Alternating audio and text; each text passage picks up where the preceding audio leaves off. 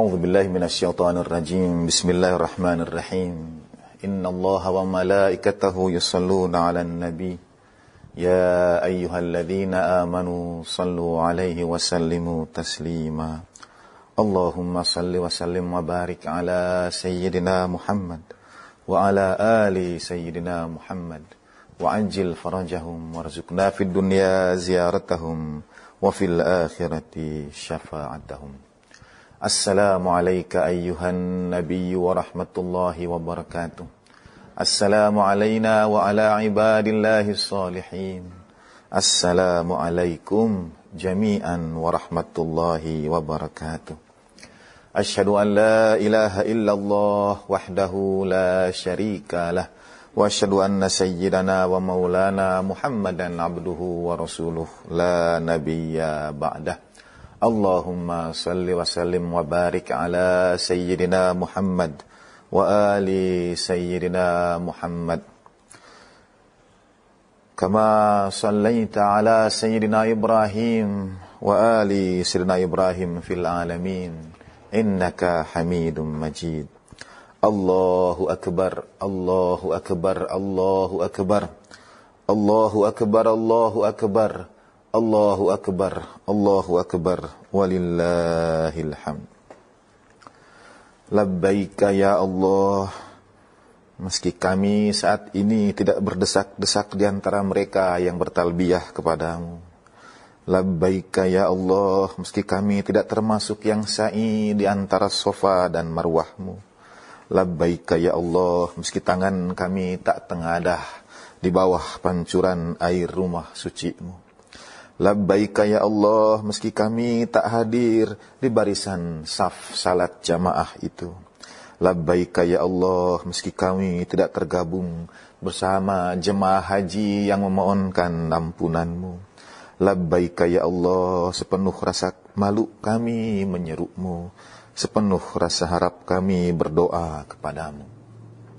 Labbaik Allahumma labbaik, syarika laka labbaik, innal hamda wan ni'mata laka wal mulk, La syarika laka labbaik.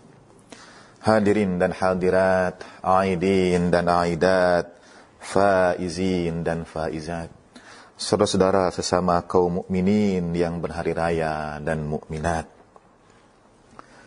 Khutbah hari ini kita awali dengan bertalbiyah kehadirat Allah subhanahu wa ta'ala kita tahu talbiyah itu saat-saat seperti ini tidak terdengar menggema di sekitar rumah Tuhan. Ujian yang sedang kita hadapi menahan para jemaah haji untuk meluapkan kerinduan. Marilah kiranya pada hari yang penuh berkah ini kita gaungkan talbiyah kita, kita puji dan bersyukur kehadirat Allah Subhanahu wa taala atas karunia-Nya. Meski jasad kita jauh dari rumah yang suci, kerinduan kita pada tanah suci senantiasa bersemayam dalam hati.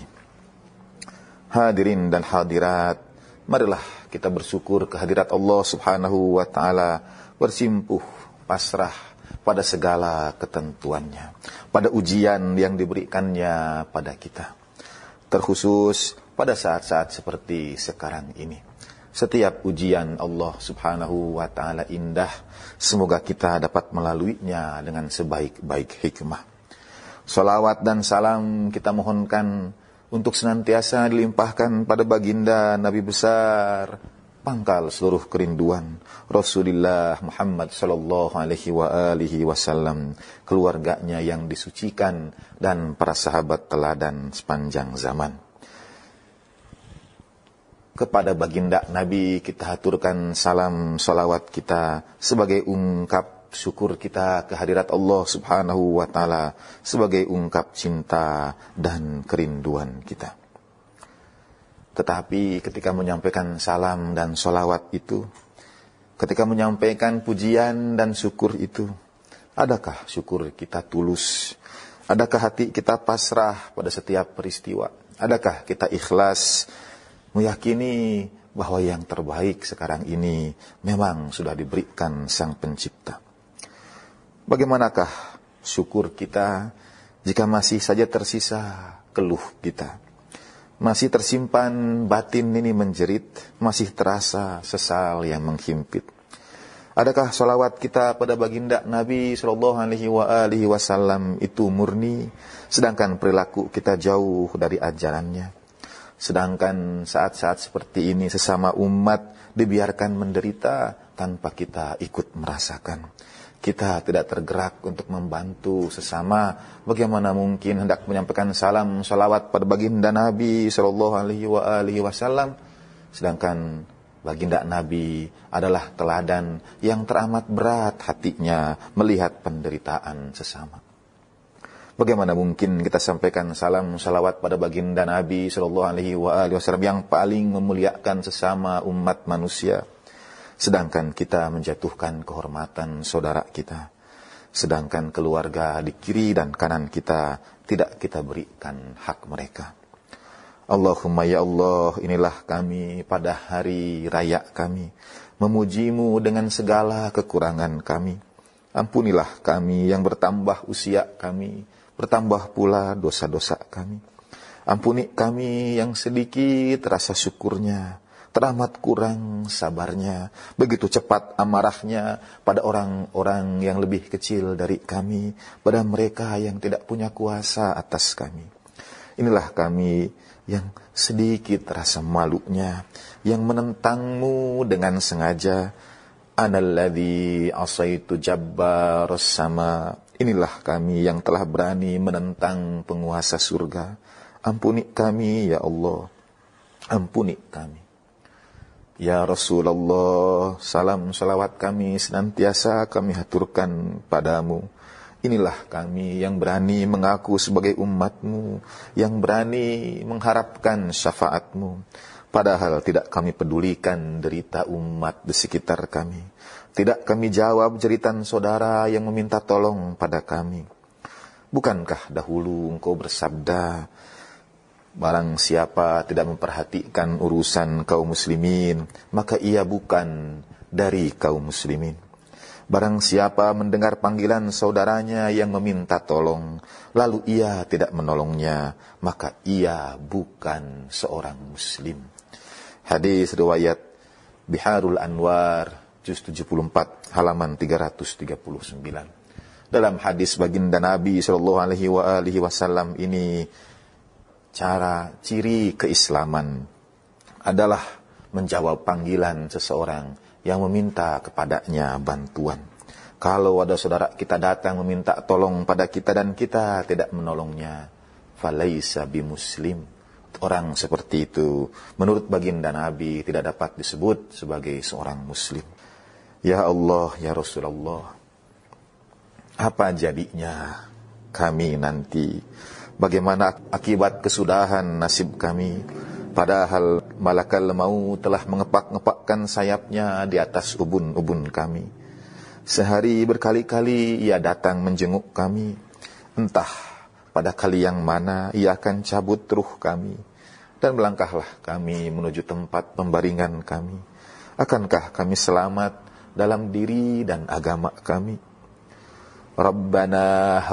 Alaina sakaratil maut wa ahwalal barzakh wa yaumil qiyamah. Ya Allah, ringankan bagi kami sakaratul maut, ketakutan alam barzakh dan beratnya hari kiamat. Bagaimanakah kita akan dapat selamat? Ya Allah, Pagi hari ini, pada hari raya kami yang penuh berkah ini, kami sampaikan permohonan ampunan kami, taubat kami, penyesalan kami. Sungguh, ya Allah, diri ini telah tergadai oleh dosa-dosa kami. Tangan kami telah terbelenggu, mata hati kami telah membatu.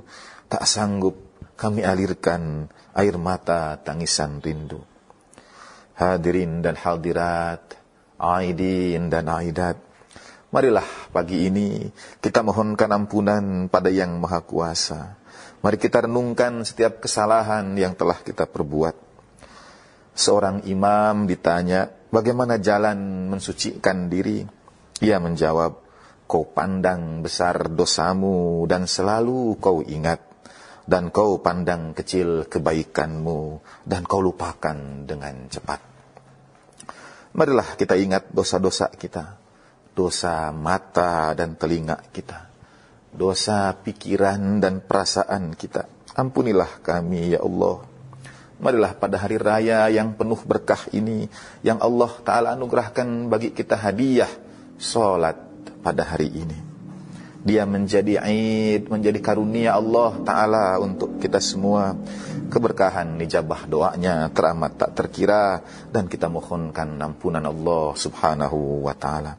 Marilah kita ingat dosa kita pada sesama, pada orang tua yang melahirkan kita.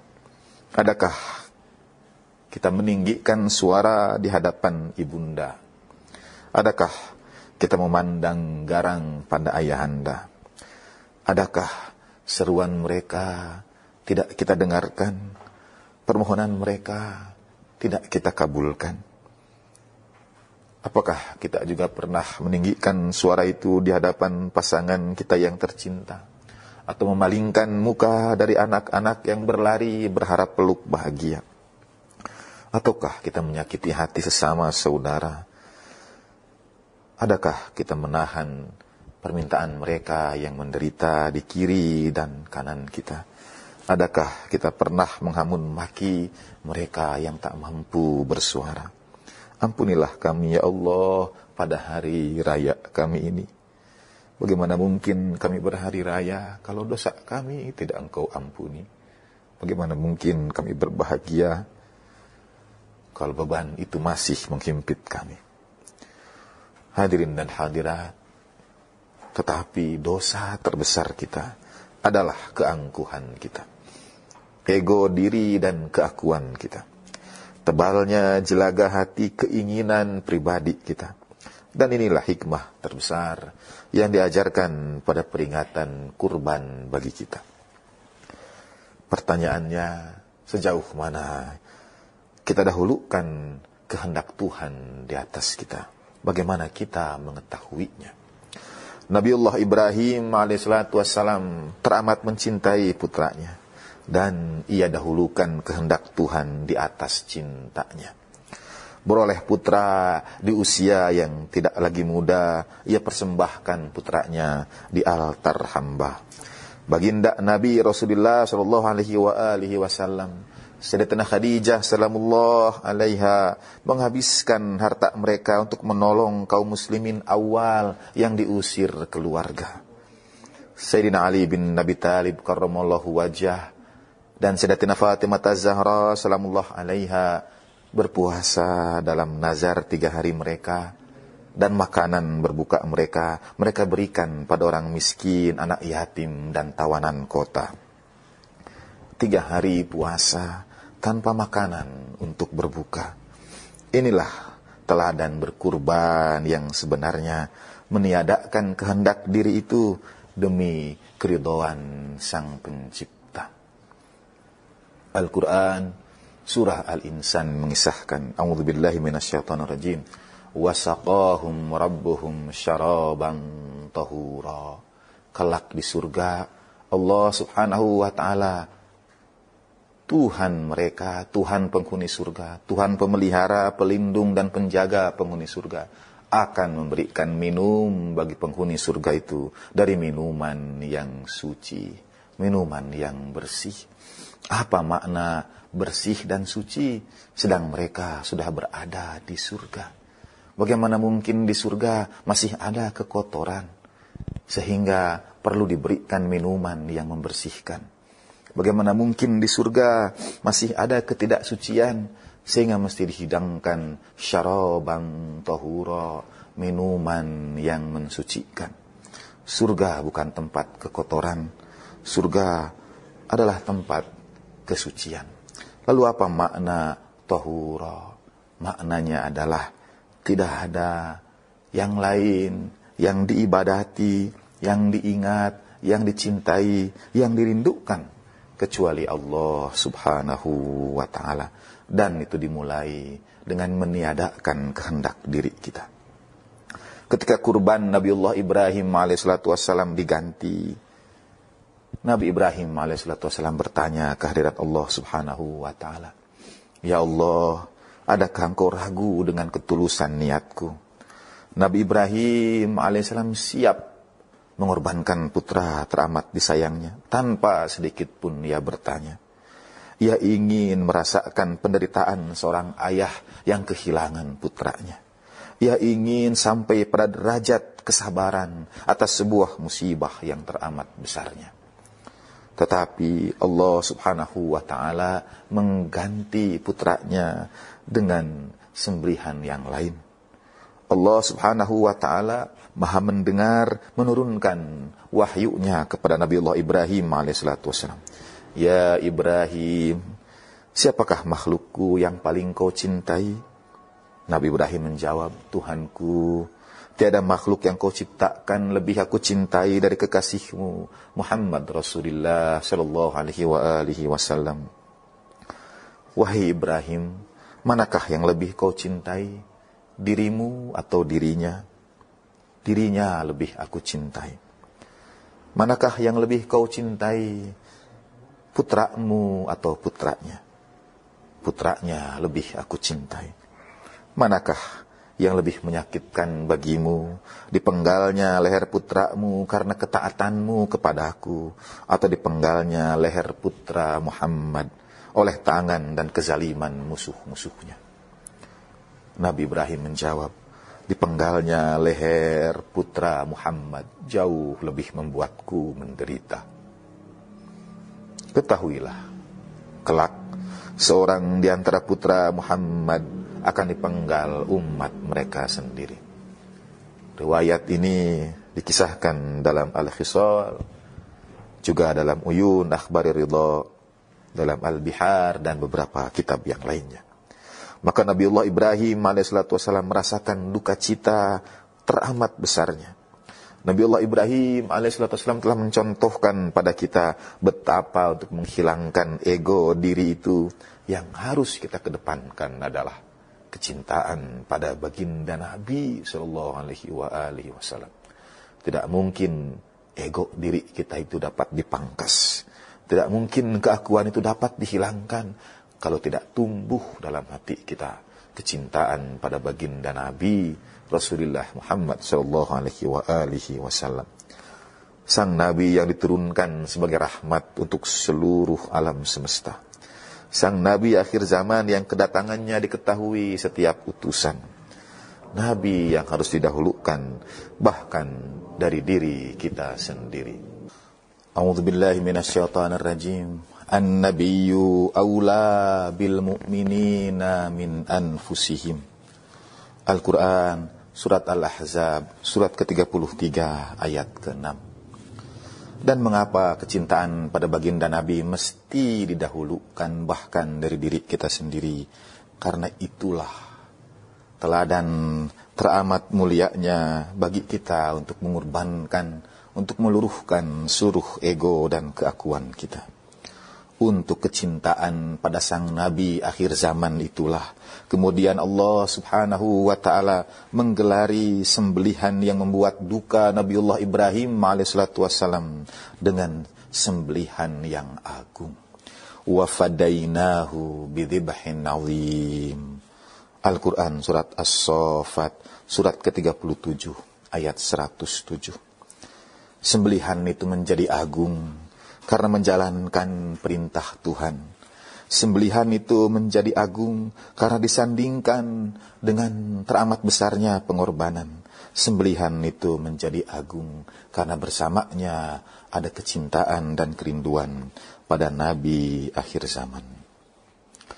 Sungguh itulah teladan.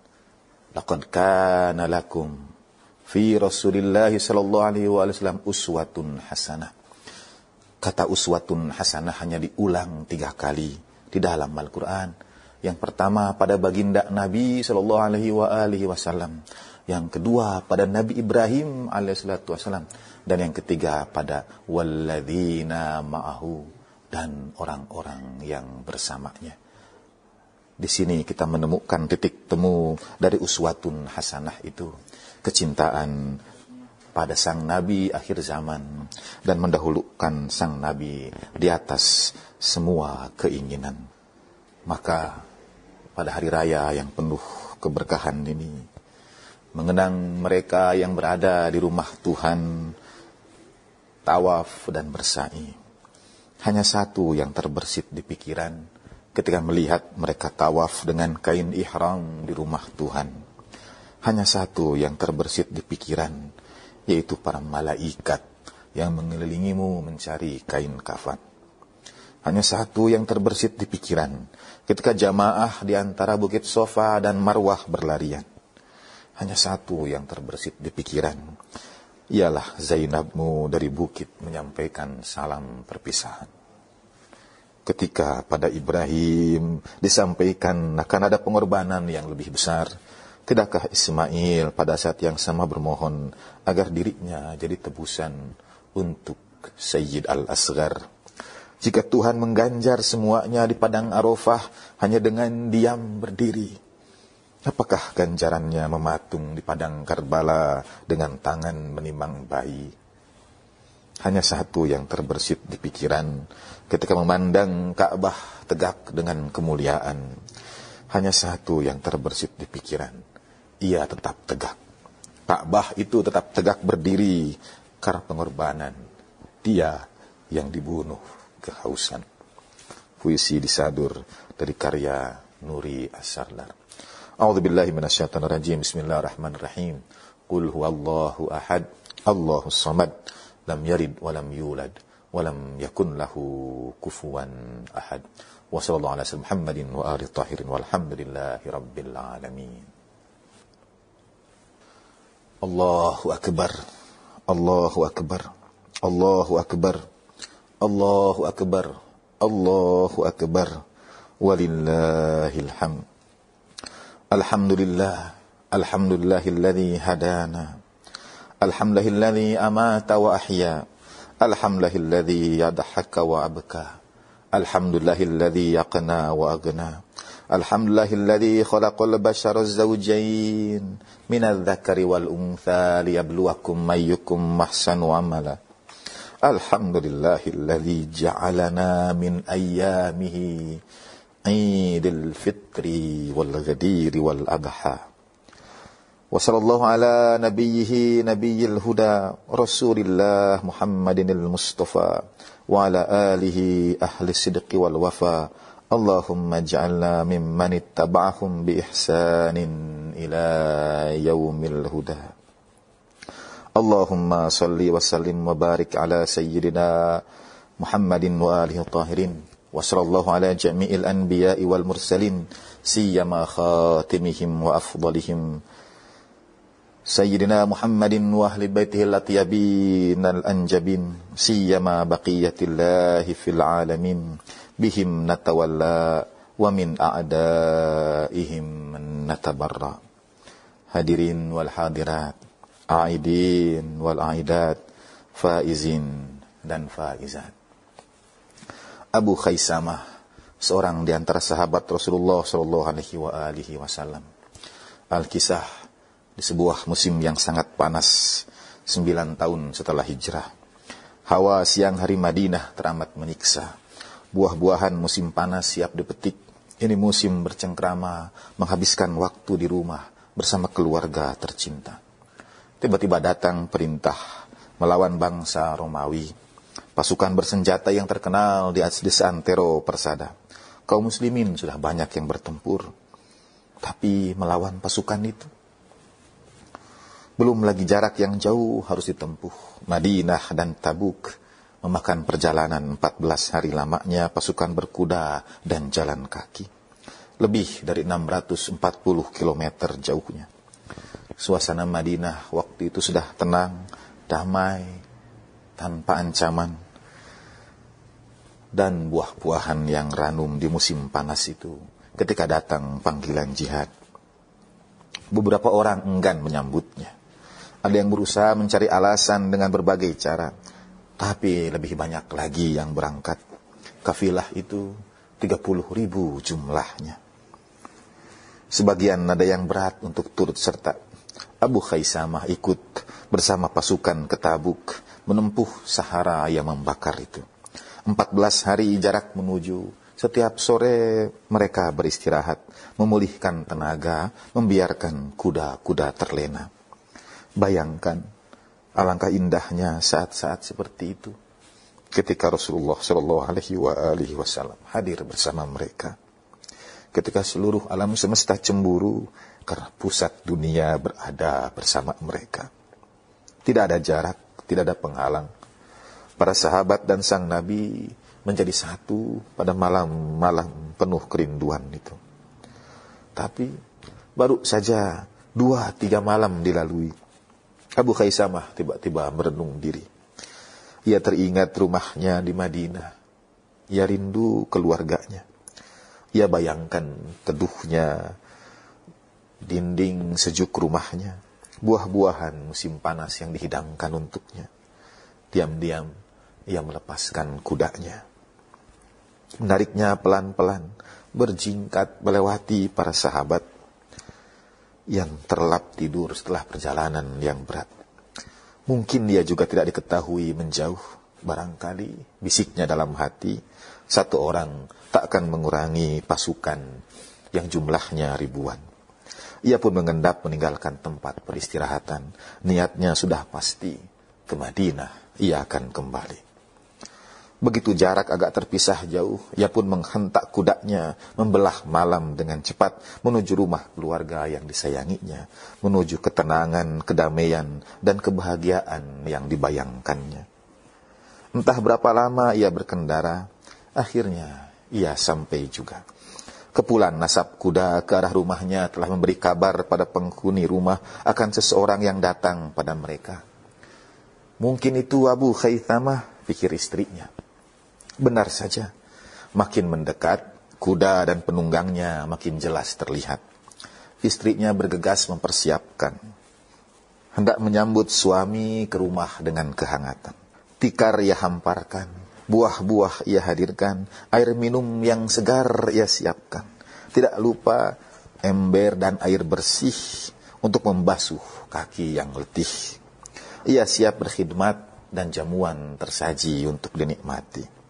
Tapi apa yang terjadi? Begitu Abu, Abu Khaisamah dan kudanya sampai di gerbang rumahnya. Ia menarik kendali kudanya seketika. Ia berhenti tiba-tiba. Dan suara erangan kuda bercampur dengan nafas yang tersengal, naik turun tak berhenti. Abu Khaisamah masih tetap di atas kudanya. Kaki disanggurdi tak juga melepaskan diri. Ia berputar berkali-kali. Istrinya kebingungan. Wahai suamiku, selamat datang. Kau pulang dari perjalanan yang panjang. Pastilah engkau sangat kelelahan. Kemarilah, beristirahatlah. Apa yang menahanmu turun dari kudamu? Lihat, aku sudah mempersiapkan air hangat untuk membasuh kakimu. Air segar untuk membasahi bibirmu. Minumlah agar kau puaskan dahagamu. Lihatlah buah-buahan yang baru kupetik ini makanlah agar engkau kenyangkan dirimu. Abu Khaisamah tidak juga turun dari kudanya. Ia seperti kebingungan, seakan-akan sebuah pergulatan tengah bertarung di batinnya. Lalu ia berkata, memecah keheningan di antara dengusan kuda. Istriku sayang, rinduku padamu tak terkira. Aku memacu kudaku untuk kembali kepadamu tapi begitu aku melihat engkau hamparkan sajian itu, begitu aku tahu kau hidangkan buah-buahan itu, dan air segar yang kau siapkan untukku, ingatanku melayang pada sang Nabi. Mungkin ia sekarang menempuh terik Sahara yang panas, mungkin ia kehausan, mungkin tenggorokannya kering dan tak ada minuman. Tidak, mana mungkin aku menyentuh makanan itu sedang sang Nabi menderita di luar sana. Mana mungkin aku menikmati hidangan itu, sedang sang Nabi membelah Sahara. Tidak, aku tidak mungkin melakukan itu. Istriku, aku mohon izinmu, aku akan kembali menyusul sang Nabi. Aku akan bergabung dan berangkat sekarang ini juga. Tapi suamiku engkau baru saja datang. Beristirahatlah sejenak, minumlah dahulu, masuklah ke dalam, berbaringlah dan pulihkan kekuatan. Tidak istriku, aku sudah berbuat kesalahan karena meninggalkannya pertama kali. Maafkan aku, aku tidak bisa melakukannya. Aku akan berangkat. Dan ia pun melecut kudanya tanpa menoleh lagi ke belakang. Meninggalkan istrinya keheranan. Dua hari, dua malam itu, Abu Khaisamah memacu kudanya bergegas hendak menyusul sang Nabi dan rombongannya. Sesekali ia beristirahat, membiarkan dirinya dan kudanya memulihkan tenaga.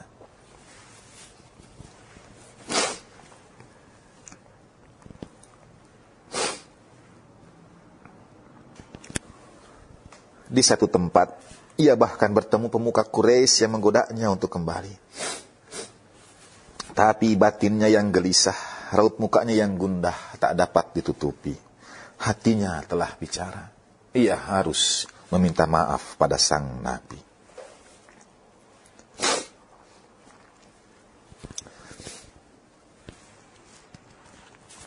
Segera ia kembali berkuda. Tak lama ia sudah membelah Sahara. Debu tak dihiraukannya, kusut masih lapar tak dirasakannya. Akhirnya rombongan itu terlihat juga. Makin lama makin mendekat. Dari arah yang lain dari tengah-tengah barisan para sahabat Nabi Shallallahu Alaihi Wasallam kepulan padang pasir Abu Khaisamah itu sudah terlihat. Para sahabat memberitahu Nabi ada penunggang kuda tengah merapat. Ketika kepulan debu itu mendekat, baginda Nabi Shallallahu Alaihi Wasallam yang mengetahui setiap sahabatnya kemudian bersabda, mudah-mudahan dia Abu Khaisamah. Benar saja, begitu wajah berbalutkan debu itu mendekat. Begitu janggut bertaburkan pasir dan pakaian lusuh itu terlihat Para sahabat berteriak, benar ya Rasulullah, dialah Abu Khaisamah. Abu Khaisamah tidak lagi mendengar teriakan-teriakan itu. Ia pacu kudanya. Yang ia tuju hanya satu. Cinta dan rindunya. Rasulullah Muhammad Shallallahu Alaihi Wasallam yang ia rindukan sang Nabi, yang ia cintai sang Nabi, ia menghentakkan kudanya segera mendekat menuju haribaan kekasihnya. Dan begitu jarak tak bersisa lagi dengan segera ia menjatuhkan dirinya. Ia lepaskan kendali kudanya tersungkur di hadapan baginda. Berusaha untuk memeluknya. Hanya saja karena ketergesaan, satu kakinya bergantung di sanggurdi kudanya. Ia terhempas persis di hadapan baginda Nabi Shallallahu Alaihi Wasallam. Air mata mengalir deras di wajahnya. Terdengar salam Nabi untuknya. Salam bagimu ya Rasulullah. Jawab Abu Khaisamah di selah selak tangis dan kelelahannya. Nabi Shallallahu Alaihi Wasallam membangunkannya, melepaskan kaki dari sanggur di kudanya, dan terdengarlah sabda Nabi Shallallahu Alaihi Wasallam, Hei Abu Khaisamah, hampir-hampir engkau akan celaka. Mendengar itu tangis Abu Khaisamah semakin menjadi. Ia peluk baginda Nabi memohonkan maafnya. Benar ya Rasulullah, hampir-hampir aku celaka. Para sahabat mengira Abu Khaisamah hampir celaka karena terjatuh begitu rupa. Tidak, ia hampir celaka karena hampir saja ia tinggalkan baginda. Hampir saja ia langkahkan kaki ke rumahnya Hampir saja ia beristirahat sedang sang Nabi menempuh medan yang berat. Hampir saja ia minum air yang segar sedang sang Nabi kehausan. Hampir saja ia menikmati kehangatan keluarga sedang sang Nabi berbalut dingin sahara. Benar ya Rasulullah, hampir-hampir aku akan celaka. Ya Allah, ya Rasulullah, kami ini ya Rasulullah. Entah sudah berapa kali celaka. Duhai bagindaku, bila saat akhir itu tiba. Kiranya kalimat suci itu terdengar di telinga. Hampir-hampir kamu celaka. Aku ini sudah celaka ya Rasulullah. Betapa sering kunikmati sajian dan engkau tak hadir dalam ingatan. Betapa banyak kudahulukan kehendak diri dan keinginanmu kuabaikan. Tidak terhitung air aku minum, buah aku makan, tanpa namamu dalam lisan ini aku sebutkan. Aku sudah celaka ya Rasulullah. Umatmu adalah keluargamu, Betapa kami nikmati kehangatan malam, sedang sebagian mereka menggigil kedinginan. Betapa sering kami tertawa di meja makan, sedang mereka menahan kelaparan. Kami sudah celaka ya Rasulullah. Kurban tidak mengajarkan pada kami empati pada sesama. Pada saat-saat ketika kami diuji sekarang ini, Ampuni kami ya Rasulullah. Pesan Nabi Allah Ibrahim alaihissalatu wassalam tak lagi lantang di telinga. Maka izinkan pendosa tak berguna ini menggantungkan satu-satunya harap kepadamu ya Nabi Allah. Wajah yang sudah tertutup debu nista ini, hati yang menghitam karena jelaga dosa pakaian yang lusuh karena tidak digunakan untuk berkhidmat pada sesama. Izinkan kami datang kepadamu ya Rasulullah dengan seluruh peluh itu, dengan seluruh keluh itu. Izinkan kami melecut kuda kami tanpa henti. Izinkan kami tersungkur di hari bahanmu. Selamatkan kami dengan kalimat itu. Hampir-hampir engkau akan celaka. Aku sudah meninggalkanmu sekian lama. Aku sudah jauh tertinggal dari kafilah para pecinta. Aku sudah habiskan usia tidak menuju tabuk dan peperangan itu. Tapi untuk menjauh darinya, mencari ketenangan semu, mengejar kebahagiaan palsu. Ampuni kami ya Rasulullah. Hadirin dan hadirat, aidin dan aidat. Marilah kita berlepas dari khutbah hari raya Idul Adha ini dengan mohon kepada Allah Subhanahu wa taala agar semangat berkurban, semangat mendahulukan kehendak Tuhan, semangat mengingat penderitaan senantiasa bercahaya dalam hidup kita. Kurban kita bukanlah kurban yang diterima kalau masih ada sesama saudara yang menderita pada saat-saat ketika kita diuji dengan ujian bersama seperti ini, mari kita tingkatkan kepedulian. Mari kita bantu sesama kita. Mari kita antarkan sebaik doa. Semoga mereka yang tengah berjuang di luar sana, para pejuang keselamatan, semoga mereka yang juga sedang diuji dengan berbagai penyakit dan kesulitan. Semoga Allah Ta'ala keruniakan sebaik jalan keluar dan kesabaran. Kita doakan juga kaum muslimin dan muslimat di belahan bumi mana pun mereka berada. Di Palestina, di Yaman, di Bahrain, di Suriah, di Irak, saudara-saudara Rohingya, di semua tempat yang menderita. Kiranya Allah Subhanahu wa taala mengajarkan pada kita sebaik-baiknya kurban adalah mendahulukan kehendak Tuhan.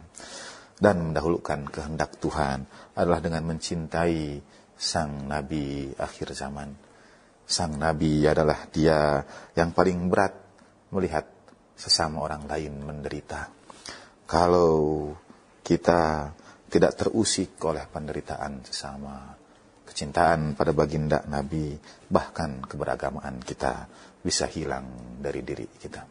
اللهم صل على سيدنا محمد وآل سيدنا محمد وعجل فرجهم وارزقنا في الدنيا زيارتهم وفي الآخرة شفاعتهم. ربنا ولمنا أنفسنا وإن لم تغفر لنا وترحمنا لنكونن من الخاسرين. ربنا آتنا في الدنيا حسنة وفي الآخرة حسنة وقنا عذاب النار. سبحان ربك رب العزة عما يصفون وسلام على المرسلين لا سيما رسول الله وأهل بيت الطيبين الطاهرين. والحمد لله رب العالمين. بسم الله الرحمن الرحيم. إنا أعطيناك الكوثر فصل لربك وانحر إن شانئك هو الأبتر. صدق الله المولانا العلي العظيم وصدق رسوله النبي الكريم. ونحن على ذلك من الشاهدين والشاكرين والحمد لله رب العالمين. وما توفيقي إلا بالله. عليه توكلت وإليه أنيب. والعفو منكم. والسلام عليكم ورحمة الله وبركاته.